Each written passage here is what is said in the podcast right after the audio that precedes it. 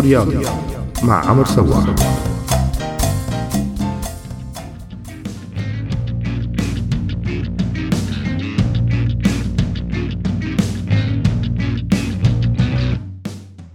أهلا وسهلا فيكم بحلقة جديدة من فقرة سورياضي ببرنامج من سيرة لسيرة معي أنا عمر سواح.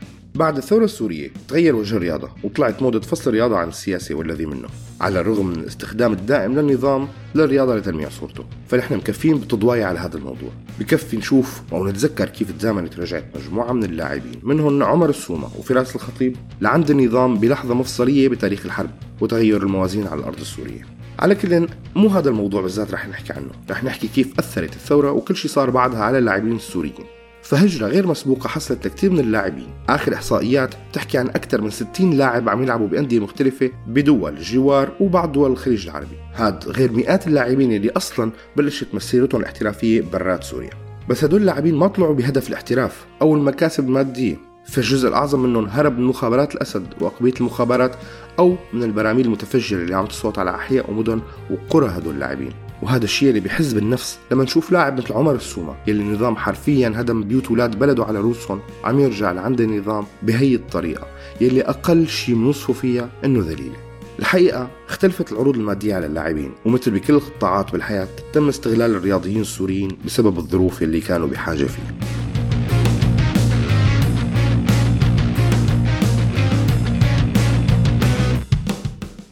فكانت كثير من العروض المادية محدودة ماديا وخاصة إنه في لاعبين طلعوا بمرحلة عمرية صغيرة. افلاس كثير من الأندية السورية خلت الانتقال صار أسهل.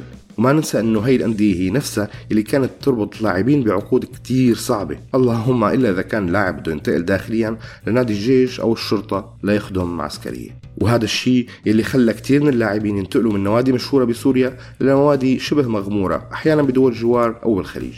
هذا الشيء حسب تعليق من جريدة الثورة السورية التابعة أكيد للنظام. وهيك تخلى اللاعبين عن باقي مستحقاتهم المادية من رواتب أو مقدمات عقود لياخذوا عقود أقل من متواضعة وحسب جريدة تشرين السورية اللي كمان تابعة النظام تنقل عن أحد اللاعبين السوريين أنه أحد الأندية اللبنانية عرض عليه الاحتراف بصفوفه قبل سنتين من بداية الثورة ولموسم واحد مقدم عقد بتزيد عن 150 ألف دولار. بعد تطور أحداث الثورة عرض عليه نفس الفريق الاحتراف بس بعقد أقل بكتير من نص المبلغ. والحقيقة فاتورة الحرب على الشعب السوري كانت كتير عالية وعلى النظام كمان مشان هيك تخلى عن لعيبته بمنتهى السهولة. وكمان من نفس الجريدة التابعة لقصر الجمهوري تشرين يلي بتقول أنه الأندية ومجلس الإدارات بررت موافقتها على منح اللاعبين البارزين حرية الانتقال لأندية أخرى بعدم قدرتها على الإيفاء بالتزاماتها المادية تجاههم. وبسبب عدم وضوح الرؤية بالنسبة لاستئناف البطولات المحلية بمرحلة من المراحل. طبعا هذا الشيء كان بالبداية بس هلأ تغيرت الأمور ولساتهم عم يتخلوا عن لعيبتهم بنفس الطريقة.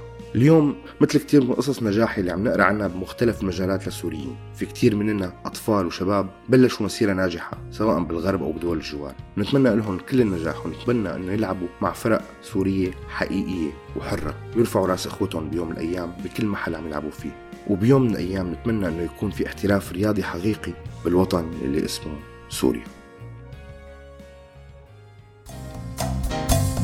سوريالي مع عمر سواح